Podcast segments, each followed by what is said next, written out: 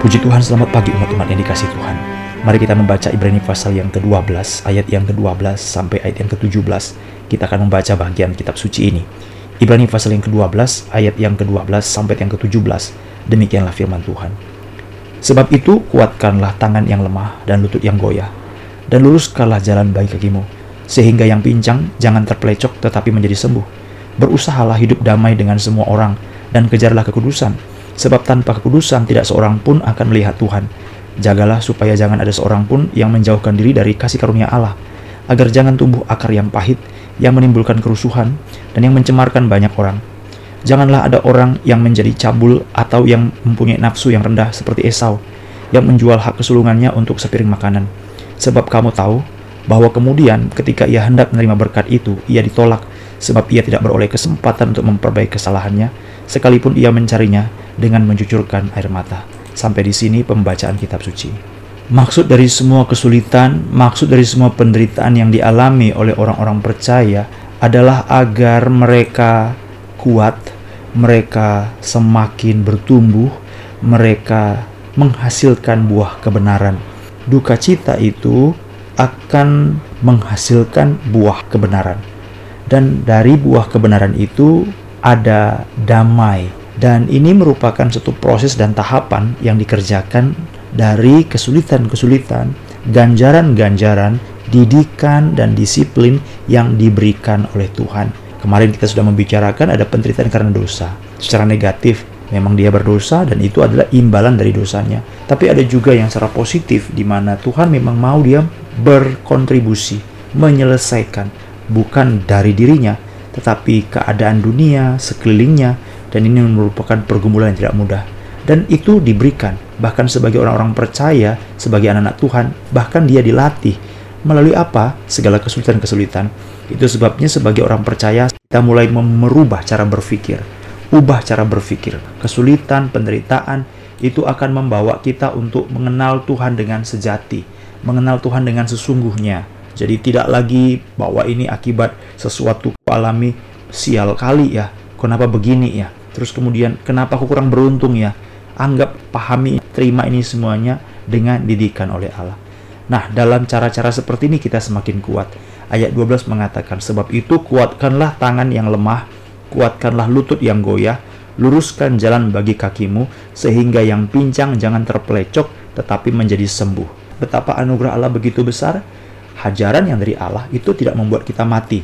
Hajaran daripada Tuhan itu justru mematangkan kita, membuat kita menghasilkan buah kebenaran, memperoleh damai, kita dilatih, sebab itu kita kuat. Lutut goyah, kuat. Luruskan jalan bagi kaki. Ini bukan hanya bicara masalah hasil, tapi juga persiapan. Lewat penderitaan, justru kita dikuatkan.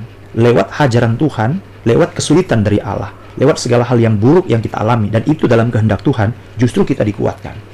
Tetapi, itu itu namanya hasil ya. Tetapi, kita juga diminta untuk mempersiapkan diri itu sebabnya kita lihat bahwa kekuatan itu adalah natur orang percaya. Tidak ada orang percaya yang kuat, yang lemah ya. Semua mereka adalah orang yang kuat. Kuat karena apa? Karena Tuhan memberikan kekuatan. Kuat karena apa? Karena saya juga rindu untuk mendapatkan kekuatan.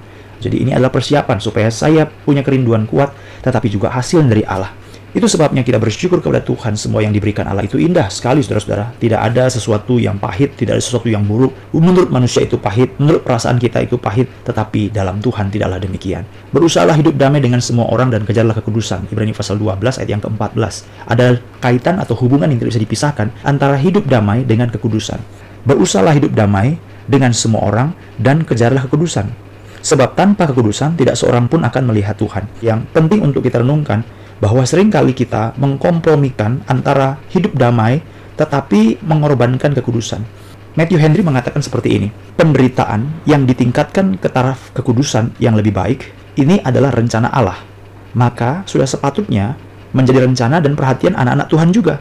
Bahwa dengan kekuatan dan kesabaran baru, mereka dapat hidup damai dengan semua orang dan mengejar kekudusan. Damai sejahtera dan kekudusan itu saling berkaitan. Tidak ada damai sejahtera yang sejati tanpa kekudusan. Memang ada juga kebijaksanaan dan kesabaran yang berhikmat, serta bersahabat dan dukungan yang diberikan semua orang. Tetapi, sikap suka berdamai orang Kristen sejati tidak pernah terpisah dari kekudusan.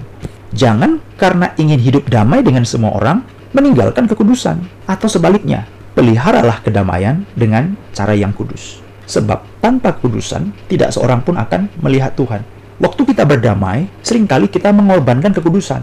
Kalau ada perdamaian tanpa kekudusan, berarti tidak ada Tuhan di situ. Ada perdamaian tanpa Tuhan? Ada. Perdamaian politik itu bisa tanpa Tuhan loh, saudara-saudara. Orang-orang politik hari ini mereka bisa bermusuhan, besok mereka bisa berkawan. Kenapa mereka bisa berkawan? Mereka berdamai, tetapi karena kepentingan, bukan karena Tuhan. Ini komponen yang tidak boleh dilepaskan, tapi berhubungan. Berusahalah hidup damai dengan semua orang, kejarlah kekudusan, sebab tanpa kekudusan tidak orang tidak melihat Tuhan. Janganlah kita karena ingin berdamai, maka meninggalkan kekudusan. Tetapi kita juga harus ingat, peliharalah kedamaian dengan cara yang kudus, jangan dengan cara yang tidak kudus. Karena tanpa kekudusan, tidak seorang pun melihat Tuhan.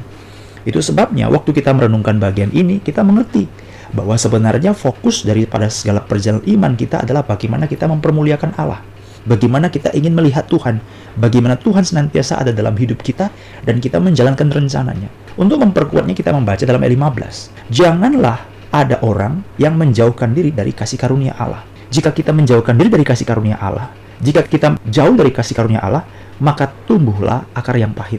Jika ada tumbuh akar yang pahit, itu bukan kesalahan satu orang, bukan kesalahan seseorang yang kita tuduhkan, yang kita tuding, pernah dan sering kali sebenarnya saya dengar ada satu pengalaman yang adalah seorang ibu yang sakit. Lalu kenapa dia sakit ya? Ada seorang yang berkata temannya, oh dia itu punya akar yang pahit. Akar pahit sama siapa? Akar pahit sama si Anu, si B gitu loh. Ibu ini yang sakit, tapi dia sakit karena akar pahit kepada si B. Lalu solusinya bagaimana? Supaya dia sembuh, maka si B harus minta maaf kepada ibu yang sakit ini. Wah ini kan aneh. Yang sakit siapa? Ibu ini. Yang akar pahit siapa? Ibu ini akar pahit sama siapa? Sama si B. Jadi supaya sembuh, maka si B harus minta maaf sama yang sakit. Loh, yang sakit kamu, yang derita kamu. Kok yang minta maaf itu orang lain? Loh, karena dia sakit hati sama kamu. Loh, kalau dia sakit hati sama kamu, dia akar pahit sama kamu, yang bermasalah itu sebenarnya yang sakit, yang akar pahit. Alkitab mengatakan kan seperti ini, saudara-saudara dalam ayat 15. Ini nggak ada hubungan sama orang lain. Kalau engkau tidak suka dengan seseorang, itu bukan berarti orang itu harus minta maaf kepadamu karena engkau akar pahit kalau engkau akar pahit, itu masalahmu.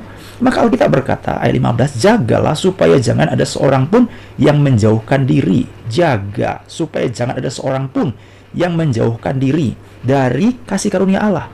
Agar jangan tumbuh akar yang pahit. Kenapa kamu bisa akar pahit? Itu karena salah kamu.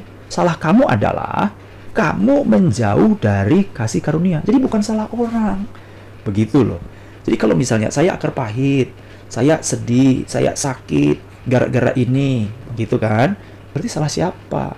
Kita memahami bagian-bagian kitab suci kita dapat membagi dapat memahami konstruksi berpikir runtutan-runtutan tahapan-tahapan sehingga kita tidak menyalahkan atau memberikan suatu pengadilan secara tidak bertanggung jawab. Kita menjadi orang yang keliru benar. Kita menjadi salah sekali saudara-saudara. Nah bagian ayat yang baru saja kita baca. Kiranya terus menolong dan memimpin kita agar kita sungguh-sungguh hidup menyenangkan dan hidup dalam rencana Tuhan. Janganlah ada orang yang menjadi cabul seperti Esau. Jangan orang mempunyai nafsu yang rendah seperti Esau. Dia menjual hak kesulungannya demi sepiring makanan. Dia tidak mementingkan visi dan kehendak Allah, rencana dan karya Tuhan. Yang dia lebih pentingkan adalah sepiring makanan. Dan biarlah kita terus memperbaharui hidup di hadapan Allah. Supaya kita hidup berkenan kepada Tuhan waktu demi waktu, hari demi hari. Dan hari-hari itu adalah hari-hari yang mempermuliakan nama Tuhan. Mari kita berdoa.